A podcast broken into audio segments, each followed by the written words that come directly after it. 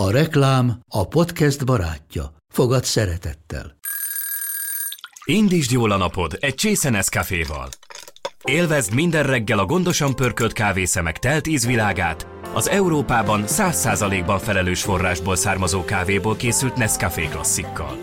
Tudj meg többet fenntarthatósági törekvéseinkről a nescafé.hu oldalon. Nescafé. Új lehetőség minden csészében. Ez reklám volt, jó volt.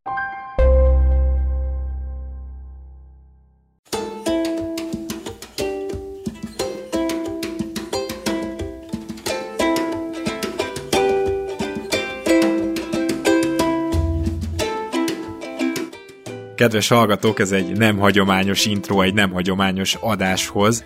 Ugye most március volt a Magyar Gasztronómia hónapja, és szerettem volna még egy március 31-én kijönni egy magyar gasztrotörténeti adással, és úgy voltam ezzel, hogy minden bizonyal tudunk beszélgetni egy 30-40 percet, ami érdekes lesz, majd biztos, hogy a magyar konyhával egy picit megismerkedünk, de hát ennél sokkal több ről szól a dolog, mert Paksa Rudolf gasztrotörténész, miután egy 10-15 perces bevezetéssel így elhelyez minket, meg elhelyezzük ki gyakorlatilag azt, hogy miről is beszélünk, utána 3-4 percenként kezdett olyan elképesztő érdekességekkel és meglepetésekkel bombázni, hogy néha majd leestem a székről. Tehát tényleg az a tanulság, hogy minden, amit a gasztro történelemről gondolunk, tudunk, amit az ételeinkről feltételezünk, hát azt teljesen el kell engedni. Legalábbis nekem én nyilvánvalóan nem ástam bele eddig magam eléggé, annak ellenére, hogy én olyan típusú vagyok, aki szeret a konyhában sürögni, forogni, és szeretek ételeket készíteni. Itt azonban tömény szórakozás volt számomra is ez az egy óra, úgyhogy kedves hallgatók, én azt kívánom, hogy mindenféle előzetes tudásotokat most engedjétek el, és dőjetek hátra, és élvezzétek ezt a tényleg különleges adást. Ez az Itt és Akkor podcast Rédai Gáborral és az idők nagy kalandoraival, amit eszünk, az is történelem.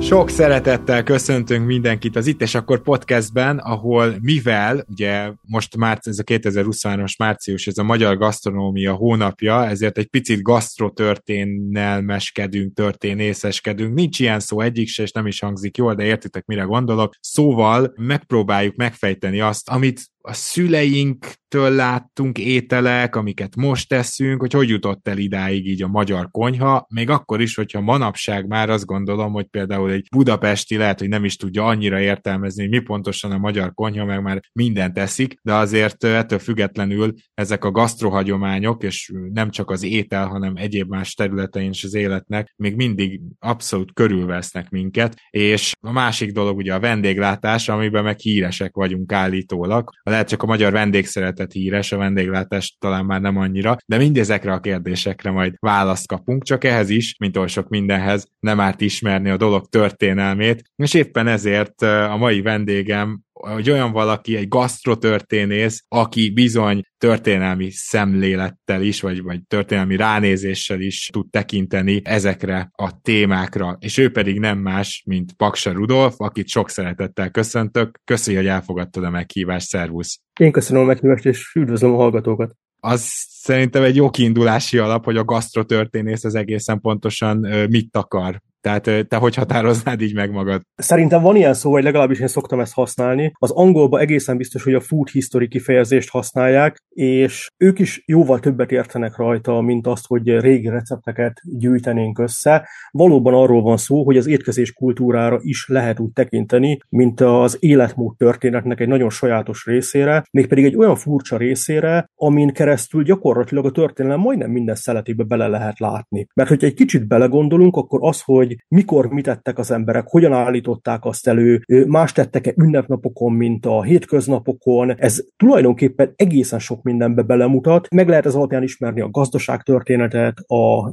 mezőgazdaság történetet, a technika történetét, azt, hogy a társadalmi rétegek hogyan rendeződtek. Lehet ezen keresztül látni a vallás és a kultúra alakulását, vagy éppen még nagy politikai eseményeket is, hiszen amikor az ország éppen jelentős része éppen török megszállás alatt van, akkor nyilván nyilvánvalóan elkezdenek változni, legalábbis a megszállt területeken mindenképpen az ott élőknek a fogyasztási szokásai, az étkezési szokásai. Tehát szerintem a gasztrotörténet az ezzel így mind foglalkozik együtt, hogy mit és mennyit ettek, miből készítették, ezt hogyan ízesítették, milyen eljárásokat és milyen eszközöket használtak ehhez, és hogyan fogyasztották, és ezen keresztül beszél a történelemről. Uh-huh. Ez azért is érdekes, mert ugye nincs olyan túl sok ennyire általános dolog, amivel az egész történelmet meg lehet fogni, mint az, hogy eszünk. Tehát van még az, hogy talán, Ez hogy iszunk, van. iszunk, szexelünk, és le- lehet, hogy itt nagyjából vége is a, a körnek, tehát hogy azért talán lakunk valahol, akkor építkezünk, tehát ha, ha nagyon keresnék, talán négy-öt dolgot tudnék találni, de hát a, a gasztro az, az mindenképpen ilyen szempontból a, ennek a listának is az élére kívánkozik. Na de ahhoz, hogy egy picit a mai naphoz eljussunk, ahhoz meg ezt a bizonyos magyar polgári konyhát kellene értelmeznünk, mert hogy igazság szerint, amit ma, tehát amit egy magyar ma megtanult a szüleitől recepteket, ha csak még nem tudom, lehet a szülei már olasz kajákat csináltak, ez is benne van a pakliban, de nagyon sokunkra minden esetre jellemző, hogy azok, amik átadottak, vagy azok az étkezési szokások, vagy ha bemegyek egy, egy jó magyaros vendéglőbe, szóval az nagyjából még a polgári konyhánkat tükrözi. Ez megállja ez a helyét, ez a kijelentés, és ezzel párhuzamosan kérdezném, hogy például a magyar polgári konyha az onnantól van, mikor magyar polgárság is van, ez a kettő összefügg? Az a helyzet, hogy szerintem történészként szeretünk címkéket akasztani témákra, mert így könnyebb beszélni, illetve könnyebb felkelteni az érdeklődést egyes kérdések iránt. Hogy ma azt esszük el, mint amit polgári konyha alatt értünk, ebben nekem vannak kétségeim, mert amikor ma beszélünk arról, hogy mi a magyar konyha, akkor inkább a magyar nemzeti konyháról beszélünk, és a polgári konyhát ettől vagy elválasztja az ember, vagy nem, attól függően, hogy hogyan definiálja azt, hogy mit is értünk a polgári konyha alatt. Én azt gondolom, hogy ha én polgári konyháról ö, beszélek, akkor ezzel a 19. századi fejleményeket próbálom meg egy kalap alá venni, mert hogy igazság szerint a 19. században számos olyan fejlemény történt, ami megváltoztatta azt, hogy mik az étkezési szokások, és ezt így egyben meg lehet címkézni azzal, hogy polgári konyha. Hogy miért gondolom ezt, arra szerintem alapvetően azok a jó példák, hogy a 19. században nagyon megnőtt a városoknak a szerepe, számos más változás is történt, de az egyik ilyen jelentős változás a várososodás volt. Ezzel összefüggésben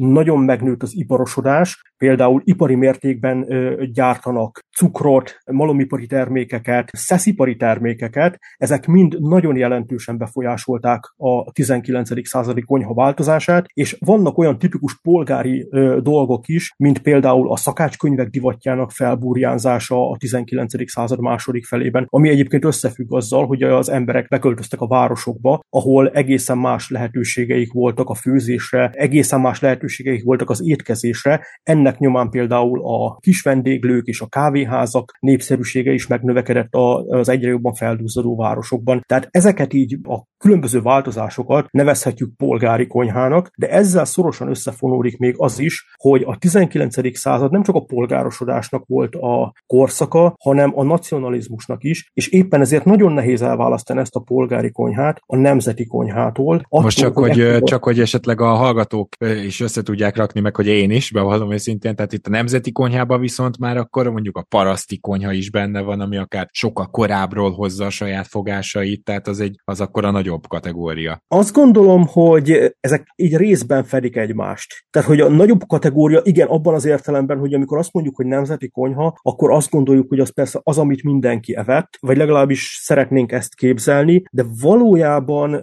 szerintem azért ez ennél egy nagyon picit bonyolultabb. Hadd hozzak rá egy példát. Példának okáért a 19. században mondhatjuk azt, hogy van a nemzeti viselet, a díszmagyar. Igen. Na most ez alapján azt mondani, hogy ez azért nemzeti viselet, mert mindenki ezt viselte, ez azért is szerintem elég erős lenne állításnak, pláne, hogyha ez alatt mondjuk azt gondolnánk, hogy minden nap mindenki a nemzeti viseletben pompázott, hát ez meg aztán teljesen nyilvánvalóan nem igaz. Tehát amikor azt mondjuk, hogy valamiből a nemzeti, akkor nem egészen biztos, hogy ez a hétköznapokra igaz, és hogy mindenkire igaz, aki az ország területén élt, sőt, én inkább arra hajlok, hogy ez így nem teljesen igaz. Inkább az igaz, hogy egyre gyakrabban lehet látni azt, hogy megjelennek olyan szakácskönyvek, amelyeknek a címében megjelenik az, hogy nemzeti szakácskönyv, magyar szakácskönyv, és ezeket ilyen reklámfogásként teszik hozzá, mert a korszak ezt szereti látni. De ugyanígy megjelennek ezzel egy időben például a kolozsvári szakácskönyv, erdélyi szakácskönyv, és hasonló regionális vagy városi sajátosságokat tükröző kifejezések is a címekben,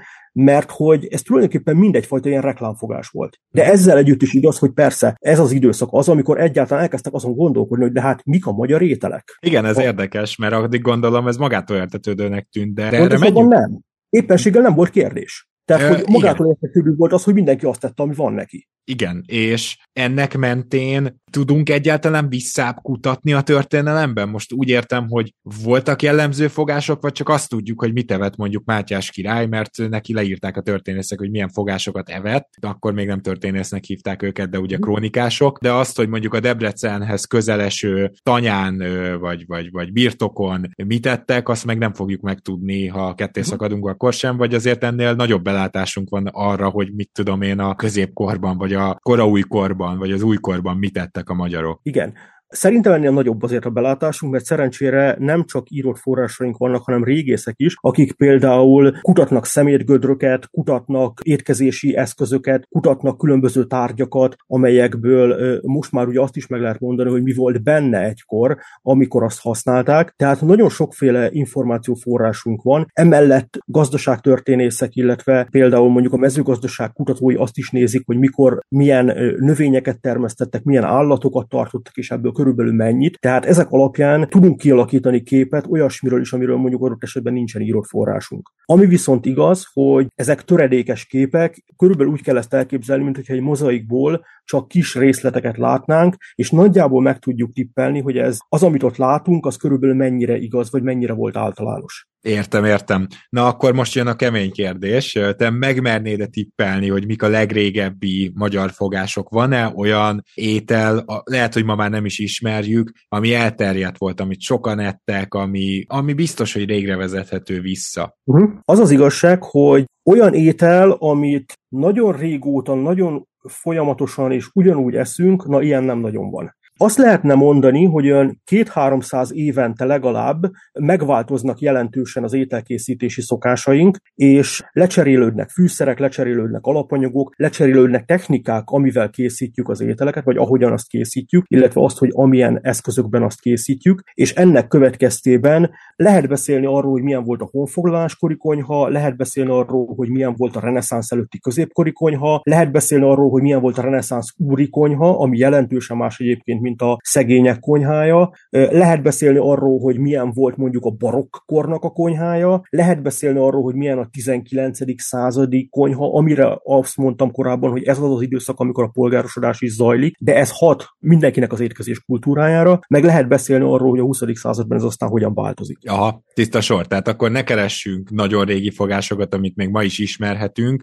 de... Szinte biztos, hogy nem ugyanúgy esszük. Tehát, meg nem aha. ugyanazokból az alapanyagokból. Például, hadd hozzak erre egy példát. Mondjuk hiába olvasnánk azt egy receptben, hogy mondjuk szarvasmarhát azt mindig ettek a magyarok. Ez egyébként igaz. Tehát, hogy a, a honfoglalás előtti időktől fogva tudjuk, hogy a Magyarországon, vagy a magyar lakosság, vagy a, vagy a magyar honfoglalók, aztán később a lakosság, azok ettek szarvasmarhát. Csak a probléma az, hogy az elmúlt ezer évben az, hogy milyen típusú szarvasmarhát tartottak, és hogy ebből mennyit ettek, mennyire volt általános ennek a fogyasztása, az jelentősen megváltozott. Legalább négyszer lecserélődött az elmúlt ezer évben az állatállomány, tehát a honfoglalók teljesen más típusú marhát ettek, amikor marhát ettek, mint mondjuk a 16. században élők, vagy mint mondjuk mi most. Oké, okay, de az is érdekel, hogy a hogyan, tehát hogy ne, ha nem is hm. azt várom el, hogy nem tudom én a legújabb steak készítési módszerek alapján csináltak volna steaket, de hogy mondjuk amit egy, mondjuk egy lagzin láthatunk, hogy egy egész marha ott forog a hatalmas nyárson, a, arra már elvileg megvoltak az eszközök, akár a honfoglalás előtt is,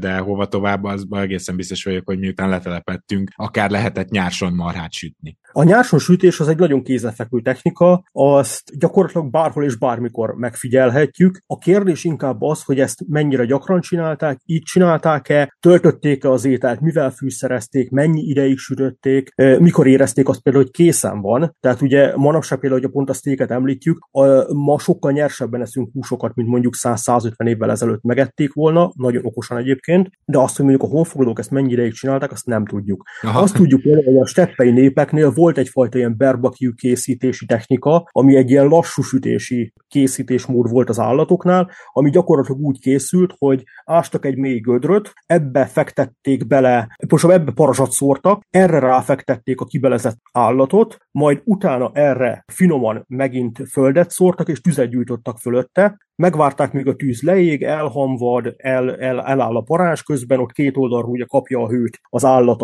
az enyhe földréteg alatt, és aztán utána kiássák az állatot, és ezt így akkor megették. Ez egy lassú sütési technika, ez egy tök jó barbecue technika, ma már nyilván senki nem csinál így ételt, de a steppei népek között ez például ez egy létező dolog volt. Ennél sokkal gyakoribb volt ellenben például az, hogy üstben főztek ételeket, és az üstben főzésnél szerintem például a honfoglaló kapcsán legalább két-három speciális jelenséget meg lehet említeni. Az egyik az az, hogy marha és ló volt az, amiből a nagy állományuk volt, és emellett még tartottak adott esetben juhot nyilván a letelepedés után, illetve nem csak a Kárpát-medencei letelepedés után, hanem már előtte is ilyen félig nomád életmódot folytattak, tehát már ott is tarthattak sertést, ugyanúgy megjelennek a baromfik, de ami az izgalmas benne, hogy mondjuk egy üstbe készült étel, az még hogyha húsos étel is volt, nem teljesen a mi pörköltünkre hasonlít, több okból se. Egyrészt azért, mert a mi pörköltünktől eltérően paprikát még nyilvánvalóan nem tettek bele, hiszen az a Amerika felfedezése után érkezik, csak és jóval utána terjed el. Másrészt azért, mert a steppei életformában egyáltalán nem fűszereztek, vagy nagyon kevéssé fűszereztek. Ha használtak fűszereket, akkor azok valószínűleg növényi fűszerek voltak. És a harmadik dolog pedig az, hogy szinte biztosak lehetünk benne, hogy jóval kásásabb ételeket ettek, mint mi. Mhm. Például volt egy egészen különleges ételük, ami mai szemmel nagyon érdekesnek tűnik, hogy tartósítottak úgy húst, hogy a húst kiszárították, majd porrá törték, és ezt a port így könnyű volt szállítani, tehát a húsport, és aztán utána pedig ebből úgy csináltak ételt, hogy felfőzték vízzel. Tehát és ebből gyakorlatilag a, a húsleves, az acskos húslevesre hasonlít ez legjobban akkor. Ez uh, nagyon hasonlít az acskos húsleveshez, azzal az apró különbséggel, hogy kásásra főzték. Aha. Egyébként az egész középkorban így van, sőt még utána is, hogyha az egyik ilyen étkezési szokást kellene kiemelni, ami számunkra szerintem egy picit meglepő, hogy az ételeik azok jóval kásásabbak voltak, az alap étkezési típus az a kása volt nagyon hosszú idő, évszázadokon keresztül. Viszont muszáj rákérdezem a sóra, mert ezt valahogy így nem említetted az elmúlt két percben, pedig a só egyrészt az egyik, ha jól tudom, legősibb konzerváló technika, hogy ugye sós hús, és akkor nyilván így, így lehetett húst konzerválni, másrészt pedig, hogy a só a legkézenfekvőbbnek tűnő, legalábbis számomra fűszer. Uh-huh. Hát nekünk valószínűleg annak tűnik már, és valószínűleg a honfoglalás után is az volt, hiszen a Kárpát-medence tele van különböző súbányákkal, azonban a steppén ez nem egészen van így. Éppen ezért az ottani hús tartósítási formák közül a szárítás, illetve a füstölés az sokkal elterjedtebb, mint a lesózás, vagy valamiféle savanyítás, vagy bármi más konzerválási technika. Tehát, hogy a honfoglalók ebben az értelemben valószínűleg más tettek, mint utána a letelepedett ö, magyarság. A Kárpát-medencében egyébként tényleg rengeteg a só, ami viszont egészen meglepő, hogyha megnézzük az első szakácskönyveinket, abból teljesen hiányzik, hogy megemlítsék, hogy sót kell tenni az ételbe. Hoppá. És ebben Ebben, ebben az az izgalmas, hogy Ezekből a szakácskönyvekből általában az is hiányzik, hogy azt elmondják, hogy vizet kell tenni az ételbe. Tehát valószínűleg nem arról van szó, hogy nem tettek bele vizet meg sót, hanem arról van szó, hogy ez annyira kézenfekvő volt nekik is, hogy nem is tartották fontosnak megemlíteni, mert hogy ezt mindenki tudja. Ja, értem, értem, értem. Ezek az első szakáskönyvek egyébként már 19. század, vagy azért ennél visszább? Ennél visszább. Az első receptek, amiket ismerünk, és magyaros recepteknek mondják magukat, azok külföldön maradtak ránk, tehát ott címkézik ezeket magyaros ételnek. Az első ilyen recept egyébként, amiről tudunk, az a 14. századból, tehát az 1300-as évekből való, és ez egy velencei kódexben maradt fönn, és ez egy ilyen sertésből és kappanból készülő, ilyen lazanyaszerűen rétegzett étel sáfrányos szószban. Tehát ez, ez az első olyan recept, amire azt mondják, hogy ez egy magyaros étel. És az a helyzet, hogy szerintem ez tényleg magyaros. Tehát, hogy ez a korabeli Magyarországon elterjedt nemesi ételkészítésnek majdnem tökéletesen megfelel. Egyetlen probléma van vele, hogy amikor főzésről ír, akkor ez a recept vizet említ, miközben a magyar ételbe bort kellett volna tenni szinte egészen biztosan. Nem pedig És ezt most el tudnánk készíteni? Tehát nekiállnánk, és mondjuk még ezt a kis hibát is kiavítva borral, ezt most el lehetne készíteni? Így van, ezt el lehet készíteni, ezt szűkebb baráti körömben meg is tettük, sőt, nem régiben egy gasztrobloggerrel közösen meg is csináltuk ezt, vagy ennek egy változatát. Oké, okay, muszáj megkérdeznem, hogy íz lett? Milyen volt? Szerintem nagyon trükkös, mert a mai magyar ízlés szerint ez nem magyar étel. Viszont a magyar történelem túlnyomó részében, legalábbis a nemesi asztalokon, ez egy teljesen korrekt magyar étel lett volna. Aha. A, ami miatt ezt gondoljuk, az alapvetően az, hogy teljesen más a fűszerezése. A mi ízlésünk nagyon hozzá van szokva a paprika fogyasztáshoz, meg a hagymához, meg a paradicsomhoz. Nagyjából ez a szent háromság, ez a 19. század végére alakult ki. A paprika és a hagyma így, mint alap fűszerezés, ez a 19. században terjed el igazán, és a paradicsom az csak a 19. század végén, 20. század elején csatlakozik ehhez a csomaghoz, és azóta nevezzük ezt magyaros ételnek. Az előtt a reneszánsz korától fogva, amikor a távolsági kereskedelembe be lehetett hozni, akkor volt egy sajátos magyar fűszerkeverék.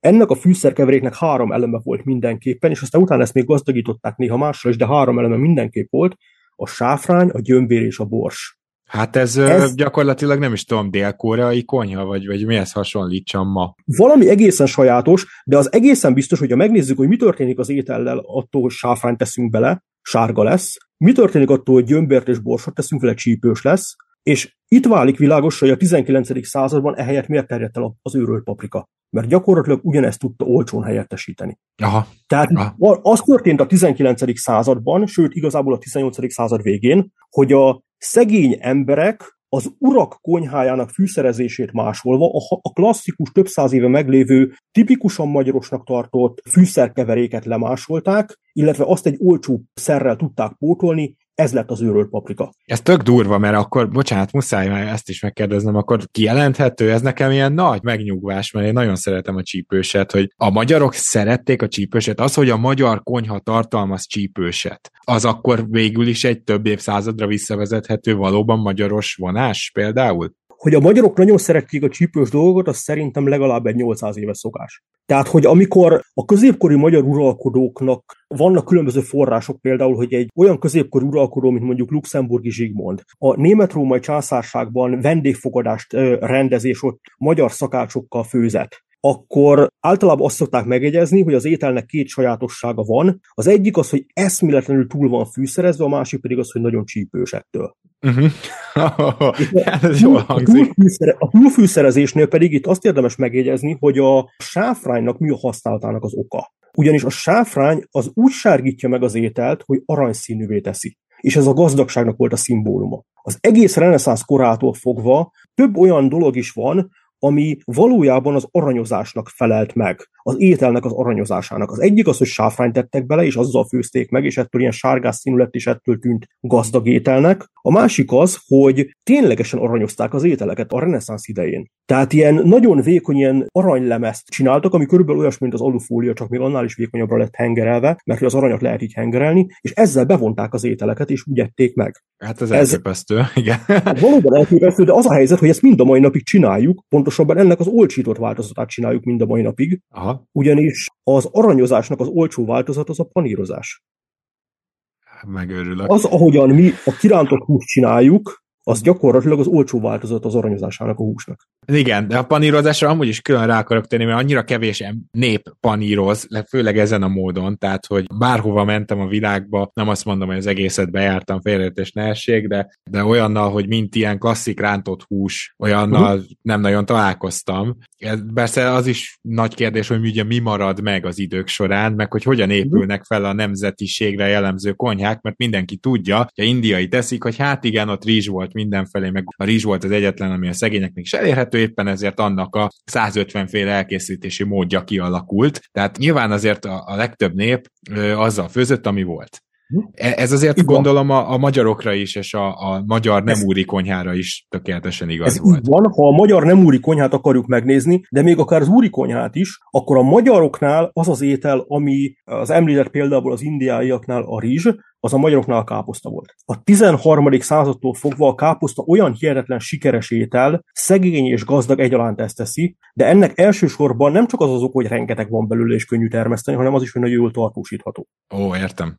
Most a káposzta inkább már az erdélyi konyhára szűkül le, tehát azért én azt gondolom, hogy még a magyar székelykáposzta étel is székely nevet kap, és, és azt hiszem, hogy az erdélyi konyha ezt jobban tovább őrizte, mint a magyar, de vannak még nagyon régi jellegű ételeink, amit ma is megtalálhatunk a tányérunkon? Én azt gondolom, hogy tulajdonképpen rengeteg van. Legfeljebb más egy kicsit a neve, és más az, ahogyan azt készítik. De egyébként nagyon sok minden van, más esetben pedig azt tapasztaljuk, hogy amit egykor mondjuk népszerűnek neveztek, az, az mostanra egy kicsit kevésbé lett népszerű. Érdemes ebből a szempontból például az első kiadott szakácskönyvünket a Tótfalusi Kismiklós által 1695-ben kiadott szakácsmesterség könyvecskéjét megnézni. Ez az első nyomtatott szakácskönyvünk, de valójában magyar receptek ennél jóval korábbról is vannak. Kéziratban fennmaradt receptek ennél 100-200 évvel korábbról is maradtak fenn. Ebben a receptleírások alapján egy csomó olyasmi van, aminek tökéletesen megvan a mai megfelelője is, legfeljebb egy kicsit máshogyan készítjük.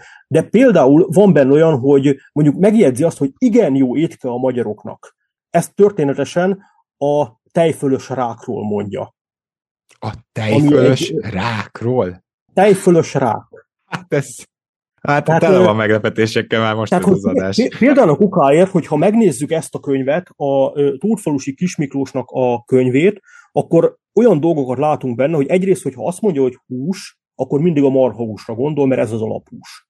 Uh-huh. Tehát az, amikor ma azt mondjuk, hogy vegyünk valamilyen fajta húst, akkor általában sertésre gondolunk, de ekkor még a marhahús volt az elsődleges hús, amiről beszéltek. A másik ilyen dolog, hogy többféle kenyerük volt. Azt, amikor fehér kenyeret akartak használni, amit ma természetesnek tartunk, hogy a kenyér az fehér, az régen egyáltalán nem volt így. A fehér kenyér az ünnepi kenyér volt, a gazdag kenyér. A leggazdagabb kenyér ráadásul a zsemle volt, a zsemle ugyanis azért volt pici, mert a legtisztább, legfinomabb lisztből készítették a kimondottan erre szakosított pékmesterek. Csak nekik volt joguk ilyen speciális kis zsemlét sütniük, de hogy ez, ez, ez azért volt tiszta fehér, mert ez a legtisztább lisztből, a legfinomabb lisztből készült. És ennél aztán utána voltak még a különböző korpás kenyerek, a rózsból készült kenyerek, a közkenyér, van is ez a kifejezés, az például szoktak fekete kenyérnek is hívni ekkoriban, sokkal jobban emlékeztet azokra a teljes kiörlésű roskenyerekre, amiket manapság nagyon sok fejre lehet már látni, de például egy jó 100-150 évre ezek egészen jól eltűntek a 20. században. Régen pedig mondjuk ez, ez volt sokkal normálisabb. Aztán ugyancsak érdekes még az, hogy ha megnézzük ezt az 1695-ös receptkönyvet, akkor nagyon sok receptben olyan belsőségeket látunk használva, vagy olyan alapanyagokat, amikre ma azt mondanánk, hogy ó, hát ez a francia konyha. Tehát használtak rákot, eszméletlen sokféle halat, csigát, gyakorlatilag bármiből főztek. Ajánlanék egy rövid játékot, hogyha már itt szóba került, hogy régi ételek, illetve mi mennyire régi, mert szerintem az egy eszméletlenül izgalmas dolog a gasztrotörténetben, hogy általában rosszul gondoljuk azt, hogy, hogy mi mennyire régi. Például azt, hogyha valamit a gyerekkorunktól fogva eszünk, akkor a hajlamosak vagyunk azt hinni, hogy ez mindig is így volt, és az egy ősrégi étel, ezzel szemben pedig néhány dolgokról hajlamosak vagyunk azt hinni, hogy ez valami tök modern dolog, mert modern a hangzása. Például okáért ilyen mondjuk a laktózérzékenység, amiről azt képzeljük, hogy ez valami, hú, ez, ez valami teljesen új allergiaszerű dolog, ami azért terjedt el, mert itt van körülöttünk a civilizáció, miközben ez pont ellenkezőleg van. Valójában szinte mindenki laktózérzékeny volt kezdetben, és aztán ahogyan egyre jobban elterjedt a háziasított szarvasmarha, úgy kezdtek egyre többen illeszkedni, vagy csatlakozni, vagy, vagy képesek feldolgozni a különböző tejcukrokat, és ennek következtében tudták ezt meginni. Egyébként pont a laktózérzékenység az a steppei népekre, tehát a keletről jött népekre sokkal jellemzőbb volt, mint a ö, nyugati népekre, és éppen ezért is volt fontos szerepe annak, hogy a magyarok miért itt a kumiszt, tehát a honfoglaló magyarok miért itt a kumiszt, ugyanis a lótejet önmagában, ha megitták volna, az a legtöbbeknek elég masszív hasmenést okozott volna. Viszont, hogyha elkezdték megerjeszteni, akkor annak az lett a következménye, hogy pont az a tejcukor, ami az érzékenységet kiváltotta, az alakult át alkoholná, és ebből következően a kumiszt már meg tudták inni, anélkül, hogy ez egy masszív hasmenést okozott volna. Ráadásul az ital is sokkal ihatóbbá vált, hiszen alkoholos jellegű ital lett belőle. Oké, okay, tehát akkor Amúgy el kell engednünk gyakorlatilag ezeket a beidegződéseinket. Uh-huh. Egy csomó mindent el kell engedni. Vagy mondjuk, ha már éppen szoboztuk a kumiszt, akkor talán azt is érdemes megjegyezni, hogy ha ma megkérdeznénk az embereket, hogy szoktak-e kumiszt inni napjainkban, vagy ittak-e egyáltalán valami hasonlót, mint a kumisz, akkor véletlenül erre az lenne a válasz, hogy nem. Vagy hogy mi az. Vagy hogy mi az, igen. igen. Ha, ha mi azra megválaszoljuk, hogy ez erjesztett lótej, igen. akkor vajon erre mi a válasz, hogy akkor uh, ittak-e már kumiszt valaha? És valószínűleg erre mindig az a válasz, hogy dehogy nem, hát dehogy. közeli ilyesmi. A valóság viszont az, hogy egészen sokaknak van képe arról, hogy körülbelül milyen lehetett a kumisz, csak kicsit máshogyan. Ugyanis napjainkban a Szovjetuniónak köszönhetően van egy elterjedt ital, amit széles körben hozzá lehet férni az 1960-as, 70-es évek óta, amióta a Szovjetunió elterjesztette, ez a kaukázusi kefír. Igen, vagy az És író, ugye? Az, az, az, az ugyanaz a kategória, az író. Hasonló, de a kaukázusi kefir az egy kicsit pontosabb, az ugyanis nagyjából ugyanaz a gombakultúra erjeszti meg, mint ami a kumiszt megerjesztette. A Aha. különbség az, hogy a kaukázusi kefir az marhatejből, vagy pedig ö, juh vagy kecsketejből készül, de a kumisz az meg lótejből készült, és emiatt erősebb is lett az alkoholtartalma, mert ö, jobban cukros. De alapvetően, ha valaki arra kíváncsi, hogy körülbelül milyen lehetett a, a kumisz, akkor a kaukázusi kefirrel kóstol hozzá a legközelebb állót, azzal a különbséggel, hogy napjainkban az alkoholtartalmát erősen csökkentik a kaukázusi kefirnek már. Igen, Igen, beszéltünk itt a behatásokról, hogy gondolom azt, hogy idejött a török, vagy, vagy akár az, hogy én nem tudom, tehát most a mongolt megmerjem említeni, mert ők ugye leginkább uh-huh. egy nagyon rossz élmény, de hogy uh-huh. aki így erre járt a Kárpát-medencébe, akár mint hódító, akár mint testvérnép együtt élő, betelepített, uh-huh. ugye ilyenről is tudunk, azoknak azért a hatása a magyar gasztokultúrán is kell, hogy látszódjon, nem?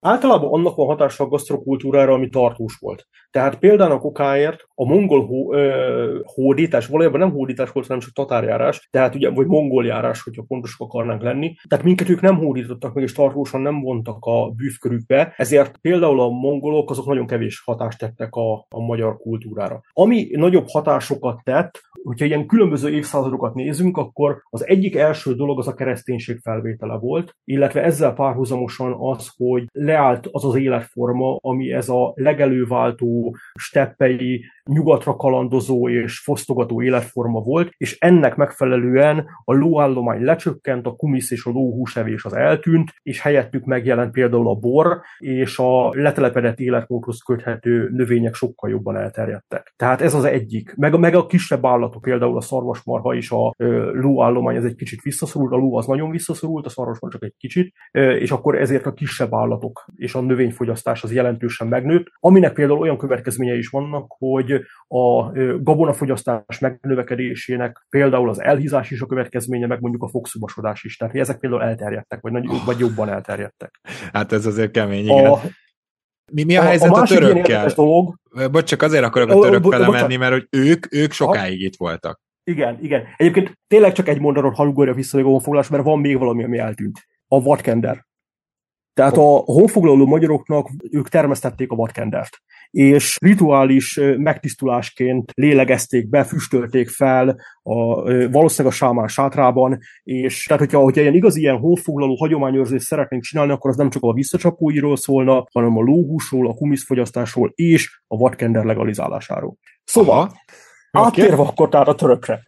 Tehát, hogy, hogy a következő évszázadokban a következő nagy változás az a, a reneszánsz idején az, amit már említettem, ez a bizonyos sáfrán, gyömbér, bors és más fűszereknek, tehát ezeknek a keleti fűszereknek a megérkezése. Utána a következő ilyen jelentősebb változás az pont, hogy a törökhöz, illetve a török közvetítéssel is érkező dolgokhoz kötődik, ami nagyjából a 17.-8. század környékén kezdett elterjedni, tehát mondhatnánk azt, hogy ez a barokk idején így változik a magyar konyha, és hát itt több mindent is látunk. Az egyik például az, hogy a barokk idején az élvezeti cikkek terjednek el elsőként.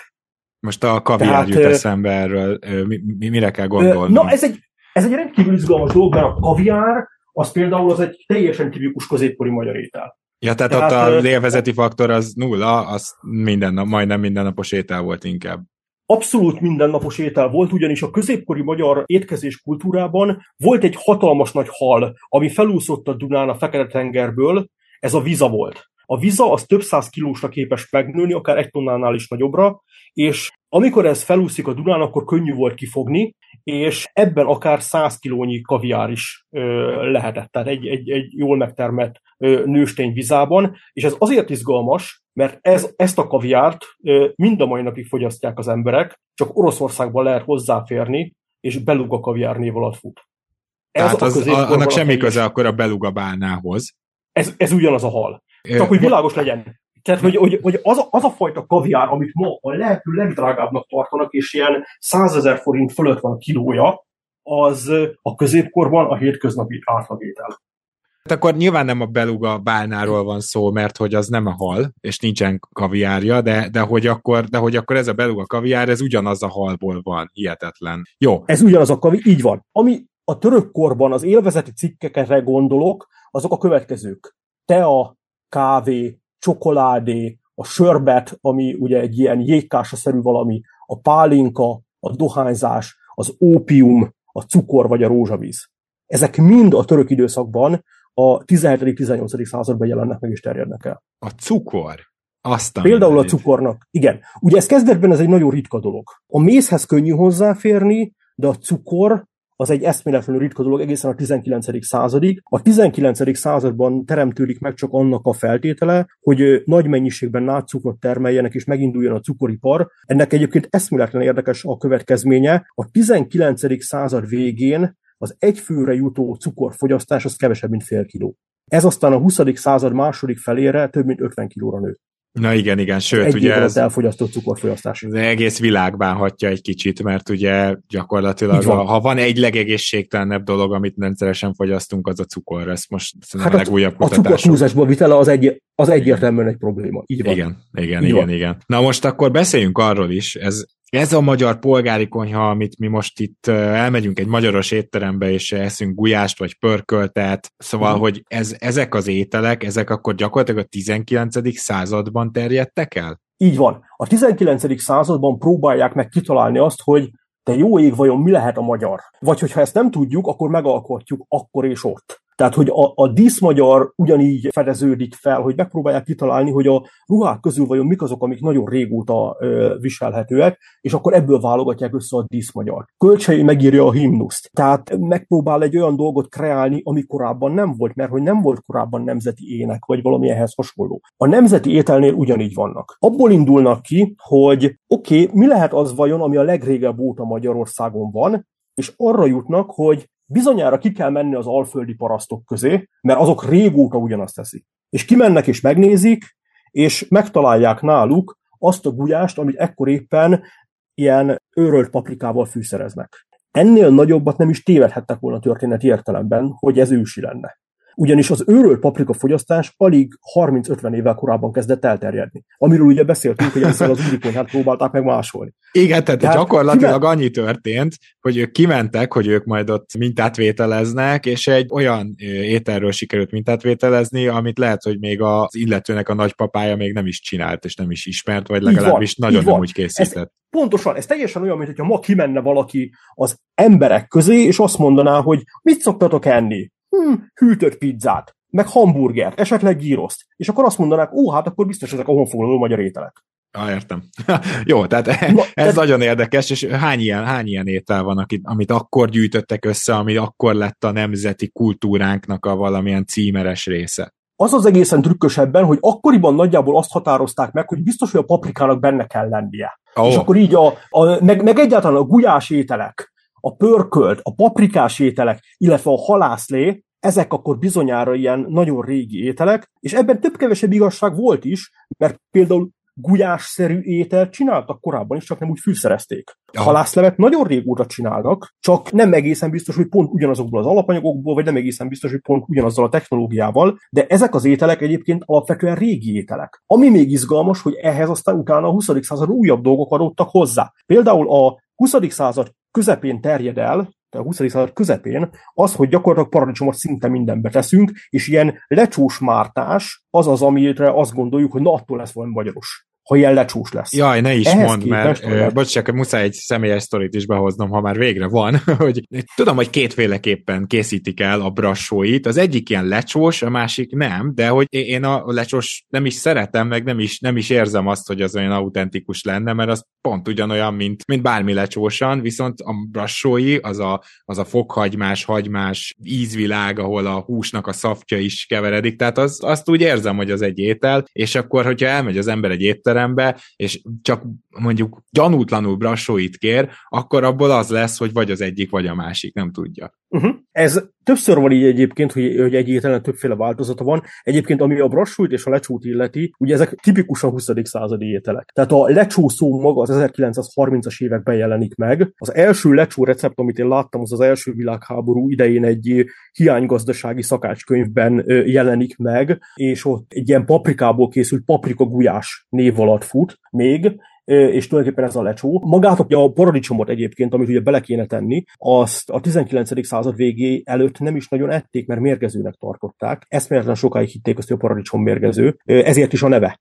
Tehát, hogy ugye a paradicsom, aminek egy másik neve az volt, hogy méregalma, mert hogy ugye ez az a gyümölcs, amit a, a Bibliában, a paradicsomban megkóstolt Ádám és Éva, és aztán ami ugye a torkukon akadt, és emiatt lettünk halandóak, mert hogy azt hitték, hogy ez a piros étel, ez egy, ez egy, ez egy mérgező dolog. Egyébként azért hitték azt, mert ténylegesen sokat, vagy előfordult az, hogy mérgezés történt a paradicsom evése közben, de nem azért, mert a paradicsom volt mérgező természetesen, hiszen azt akkor ma is tudnánk, hanem azért, mert a paradicsom viszonylag savas étel, és ólomtartalmú tányérról ették, és kioldotta az ólomtartalmát a, az, a, a tányérnak, és gyakorlatilag ólommérgezést kaptak a paradicsomevéstől. És ezért egy csomó ideig azt hitték, hogy a paradicsom az mérgező. Szóval ez meglepően ugyanan kerül be az ételbe. A brassói maga ugyancsak tipikus 20. századi étel, a hiánykonyhának a következménye. Ez a használjunk fel mindent, használjunk fel mindenféle dolgot, ami úgymond maradék lenne, és akkor ezt hogyan lehet hasznosítani. De van még ilyen egyébként a 20. századi hiány, hiány ö, dolgok közül, ami eszméletlenül elterjedt, az, hogy Magyarországon egy csomó ideig, és talán még ma is a sajt az alapvetően a trapista sajtot jelenti, ez a második világháború következménye. 1940-ben a Teleki kormány hozta azt a határozatot, hogy a rendelkezésre álló tej nagy részéből, amikor sajtot csinálnak, akkor hadi sajtot, trapista sajtot kell készíteni, mert azt lehet a leggazdaságosabban előállítani ipari körülmények között.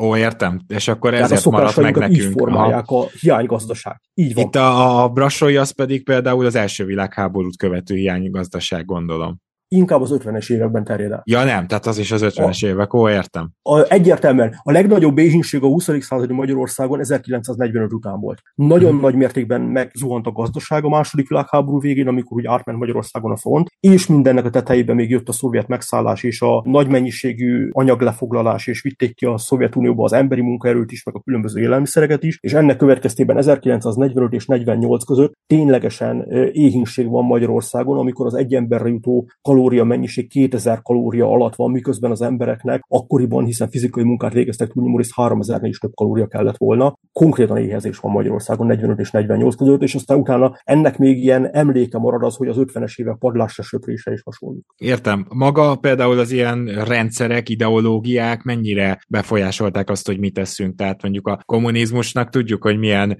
manapság már gyerekesnek tűnő kampányai voltak. Volt például, ami az étkezési szokásokat is is megváltoztatta?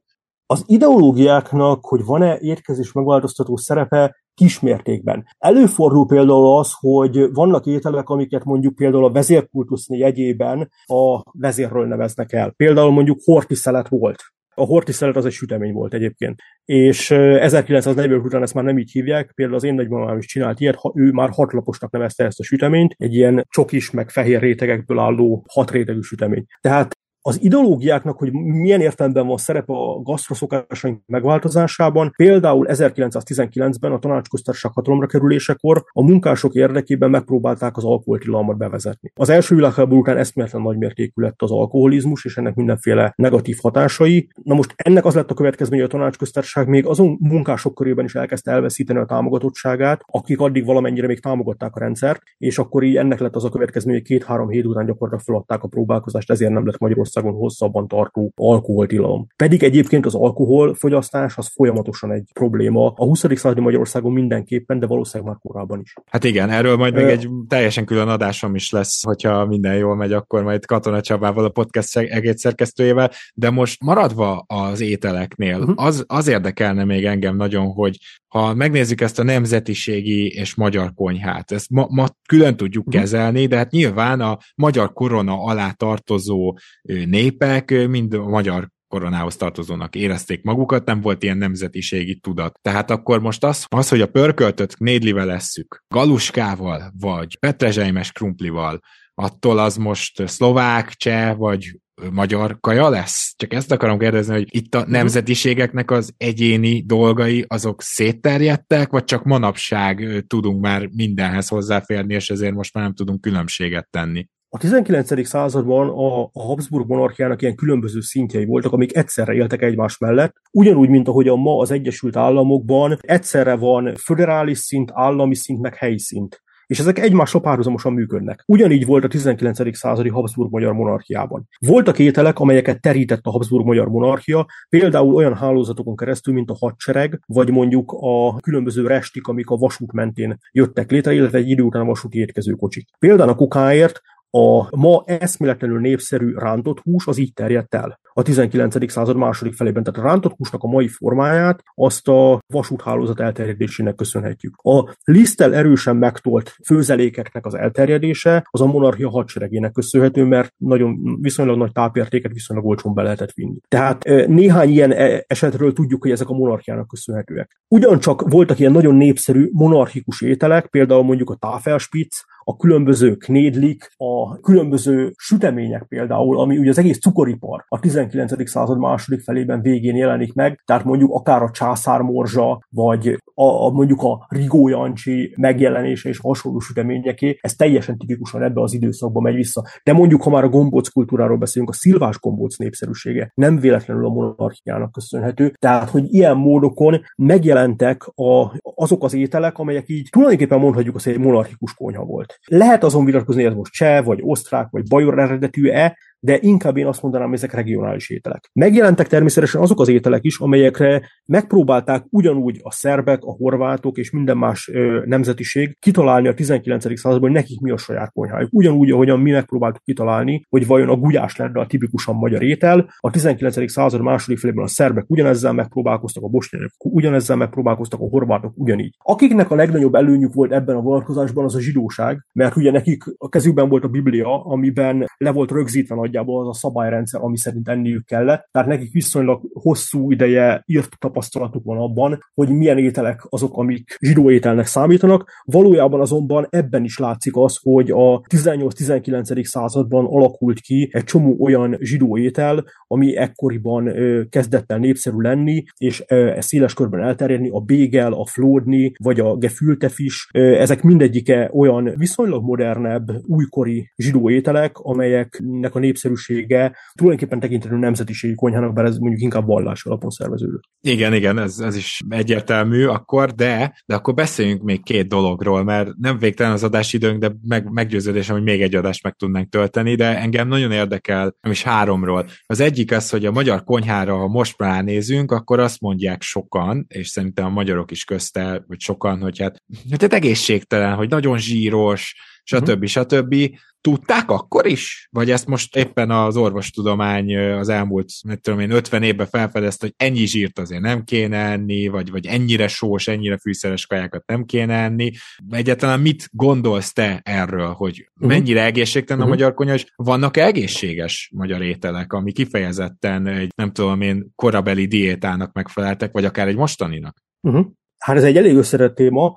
Az egyik ilyen alapvető dolog az az, hogy egészséges étel és egészségtelen étel, ez szerintem ugye egy elég problematikus kategorizálás. Viszonylag kevés olyan étel van, ami önmagában ö, ö, egészségtelen lenne. Persze nyilván a polóniumos tea fogyasztása az nem hasznos, de ö, hogyha nem ilyen elvetemült ö, esetekre gondol, gondolunk, akkor, akkor nagyon kevés ténylegesen káros étel van. Kára annak származik, hogyha egyoldalúan és túlzásba viszünk bizonyos dolgoknak a bevitelét. Az a fajta szemlélet, ahogyan ma tudjuk, hogy az ételek azok alapvetően fehérjéből, zsiradékból, szénhidrátból állnak, és fontos még a vitaminok és egyéb ásványanyagok és nyomelemek bevitele is, ez nagyjából a 20. század közepére alakul ki. Ekkor különböző kampányok is vannak, különböző szakácskönyvekben népszerűsítik is azt, hogy kiegyensúlyozott táplálkozást kéne bevezetni, és rájönnek arra, hogy bizony ezzel problémák vannak. Tehát a lakosság túlnyomó része a 20. századi Magyarországon még nagyon egyoldalúan fogyasztott, eszméletlenül rossz volt ilyen értelemben a táplálkozási szerkezet, és ez nagyon-nagyon-nagyon lassan változott csak meg. Annál is inkább, bocs, csak, hogy ezek... muszáj itt megjegyeznem, hogy ez uh-huh. bizonyos szempontból egy ilyen történelmi szerencsétlenség is, hiszen a mediterrán ételeket még a mai napig azt mondják, hogy a mediterrán diéta egy egészséges diéta, és ők, ők se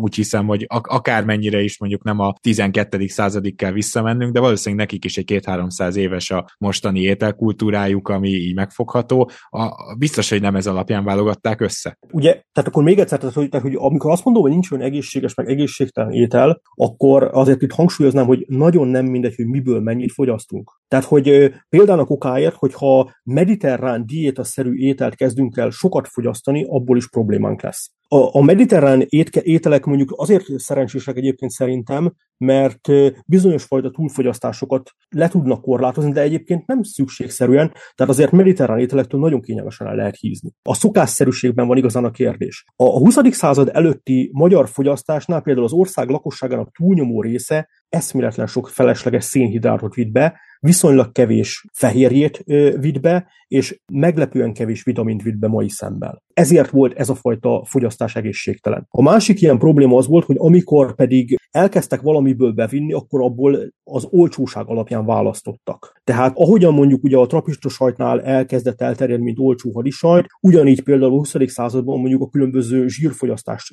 az, ami elterjed, miközben mondjuk a 18-19. században még vajjal főztek az úri konyhákon, de ennyi vajat nem, vagy ennyi vajhoz nem nagyon lehetett volna hozzáférni, olcsóbb volt a sertészsír egy idő után, főleg a 20. században, és akkor ennek lett az a következménye, hogy nagyon zsíros, a zsírboz viszonylag sok rántást készít, és még fűszeres étel is áll össze.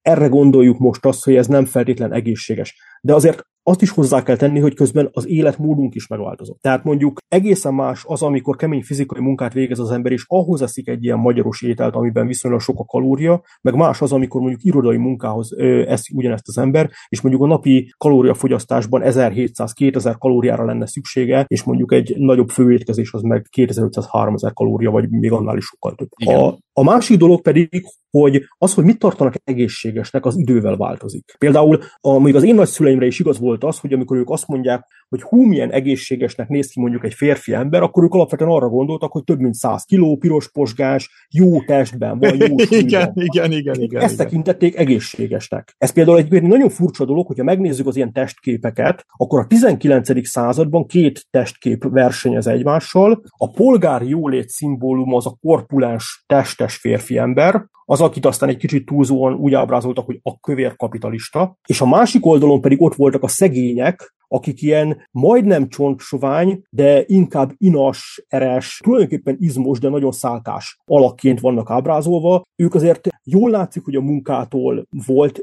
határozottan izomzatuk, de másrészt viszont a kevés kalóriafogyasztástól meg, hát nem úgy néztek, mint egy bodybuilder ma. És ez a kettő, ez egyszerre létezett. Tehát, hogy más volt a testkép a proletárok számára, és más volt a testkép, amire törekedtek azok, akik jó módúak voltak. Értem. Nem az egészség volt a szempont. Ja, igen. Hanem az, hogy, hogy, hogy ez egy, egy társadalmi társadalmi státuszt jelenítsen meg. Ez tiszta Azt pedig, hogy mondjuk ez nem egészséges, eszükbe se jutott. Meghaltak 60 évesen szívinfarktusba, de nem kötötték össze a kettőt, hogy ez a kettő dolog esetleg összefügg. Igen, igen, igen. Viszont ha már az egészségnél tartunk, ugye ma az a helyzet, hogy alig eszünk halat. Ami furcsa, igen. főleg a most elmúlt egy óra alatt többször is emlegetted, hogy hát a magyarok nagyon is ettek halat, és nagyon is része volt Így korábban van. a kultúránknak. A középkorban. Na, akkor viszont azt a, válaszoljuk már meg, hogy miért van a két híres halászlevünk, ami ráadásul meglehetősen más, és szerintem aki uh-huh. megkóstolja az egyiket meg a másikat, valószínűleg az egyik lesz a kedvence, és a másik kevésbé. Uh-huh. Egy lépést hadd tegyek még vissza, hogy miért nem fogyasztunk halat. A Széchenyi kapcsán általában pozitívunként szoktuk elmondani azt, hogy a folyó hajókat szabályozza, és emiatt nem nagyon lesz árvíz, és ez tényleg jó bizonyos szempontból, másrészt viszont ez megváltoztatta a tájat,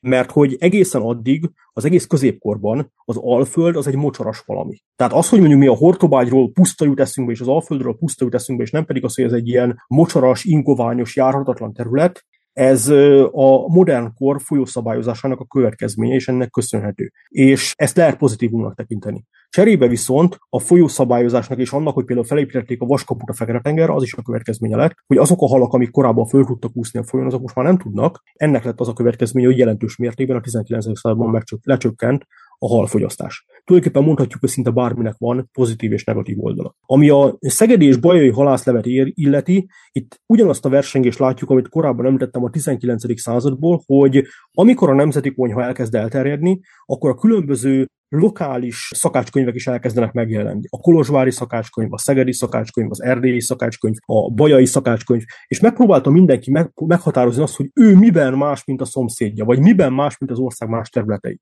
A szegedi bajai halászlé közti versengés az tulajdonképpen egy ilyen két szomszédvár közti versengésnek tekinthető. Mondhatnánk azt is, hogy tulajdonképpen itt a két egymáshoz közel álló kultúra közti versengésről van szó. Hogy ez ténylegesen ennyi volt-e vagy sem, arra azért nekem vannak kétségeim. Tehát, hogy, hogy a balatoni halászlével mi a helyzet?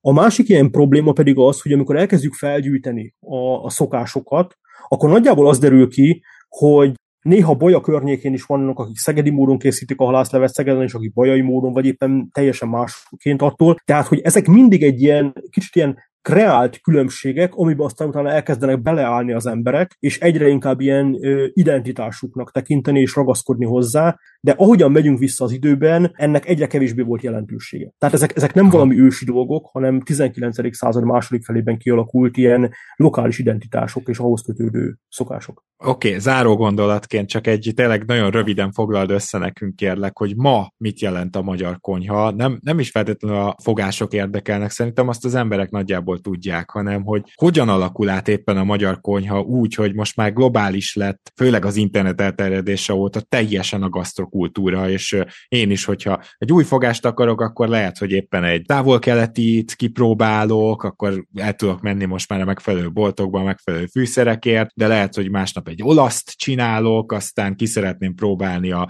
mexikói daráthúsos fogásokat, szóval, hogy nyilván tudnám ezt a sort folytatni, de, de ugye én, mint egy teljesen középkategóriás polgár itt Magyarországon, gyakorlatilag mindent ki tudok próbálni, talán nem a legjobban megcsinálva, megfőzve, de van kedvem, és a konyhában én szeretnék sürgölődni, akkor bizony nem csak a magyar receptkönyvekből meríthetek. Ennek milyen hatása van a magyar konyhára? Értelmezhető ma még a nemzetiségi konyha, mint olyan?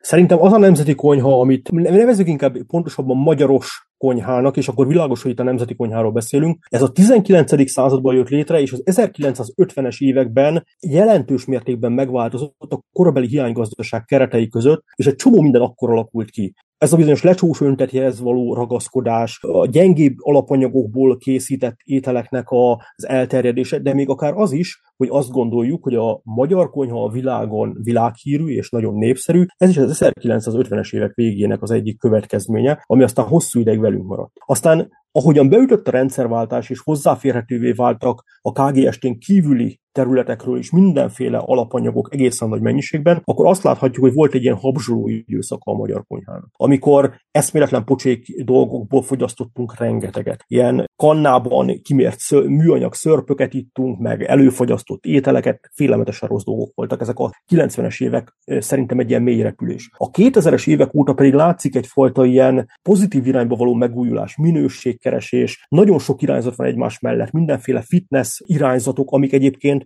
a 20. században jelentek meg igazán, tehát ez egy jóval régebbi hagyomány, de a világháborús hiánygazdaságok következtében jelentek meg egyébként a különböző diétás receptek eredetileg. Tehát ezek, ezek mindig egyszerre vannak meg, és ezért szerintem most, ha azt mondjuk, hogy Magyarországon milyen a konyha, akkor azt mondhatnánk, amit te is, hogy, hogy tulajdonképpen egy globális konyhának látjuk különböző elemeit egymás mellett. És azt, hogy, hogy ténylegesen lenne úgynevezett magyaros konyha, ez egy nehéz dolog. Olyat lehet mondani, hogy mik azok a megszokott ételek, vagy mik az ünnepi ételeink. És ebben még azért mindig ott van a nyoma annak, hogy bizonyos ételeket preferálunk bizonyos ünnepi alkalmakkor.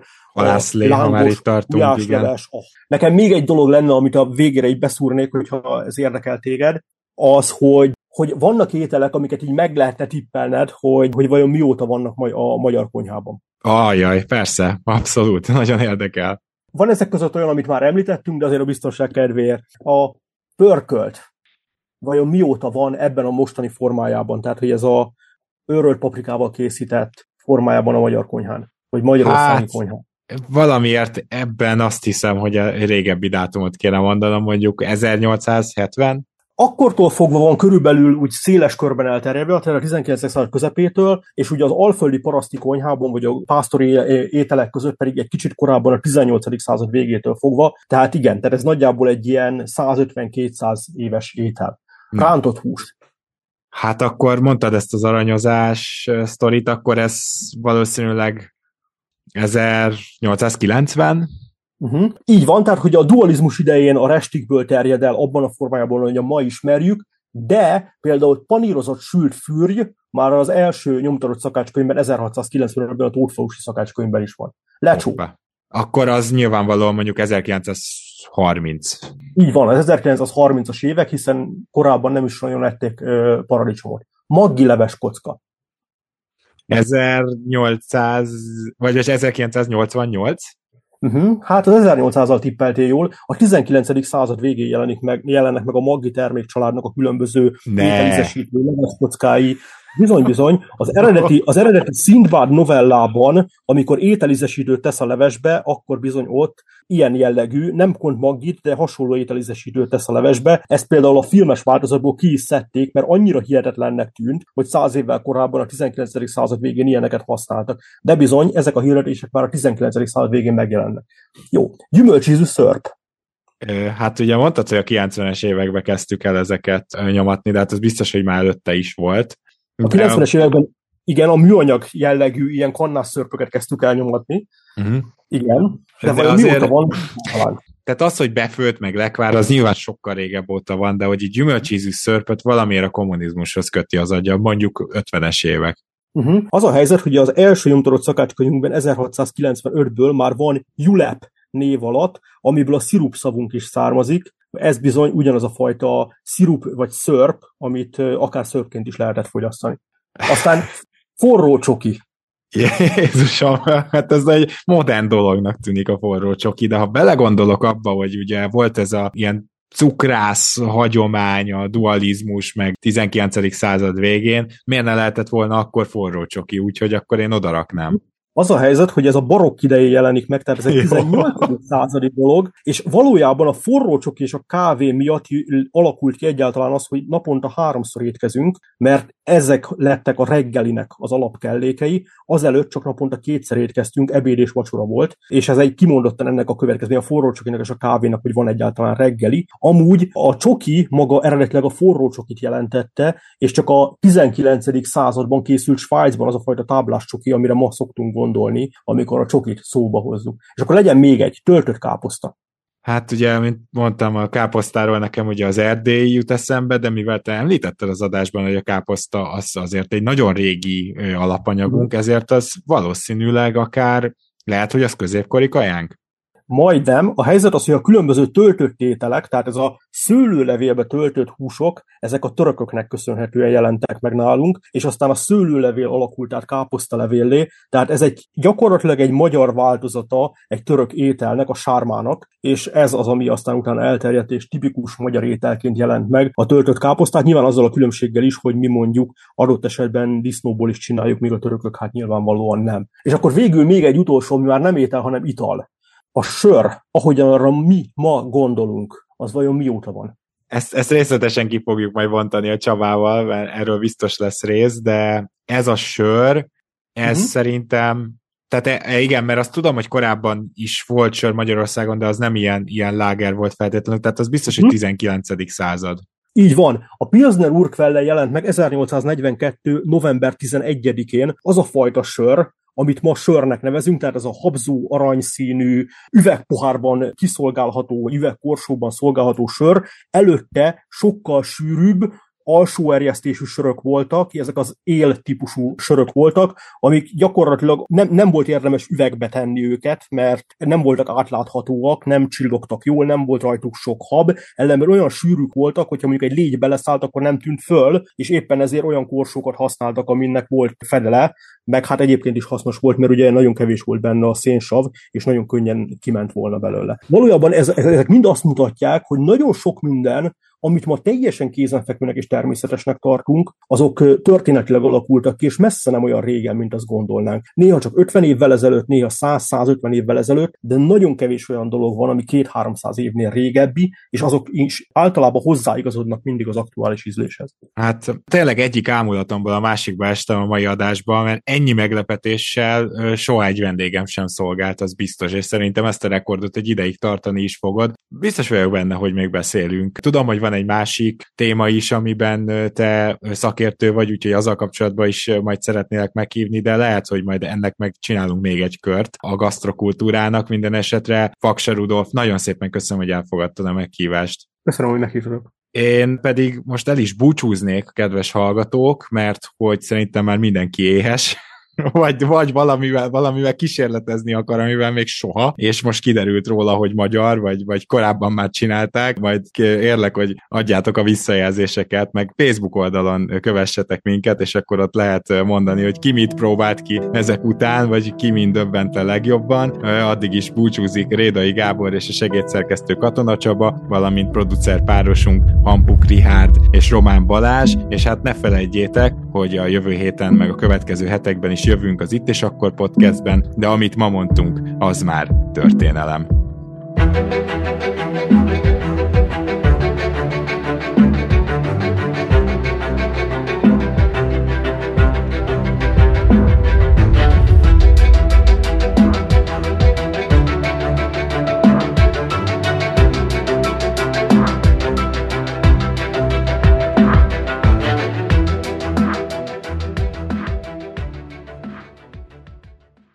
Ha más podcastekre is kíváncsi vagy, hallgassd meg a Béton műsor ajánlóját.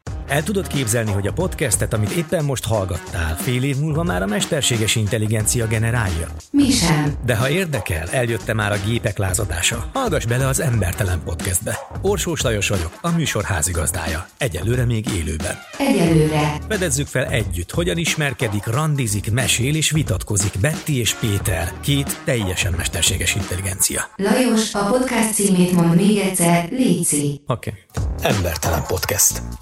Ez egy Béton podcast.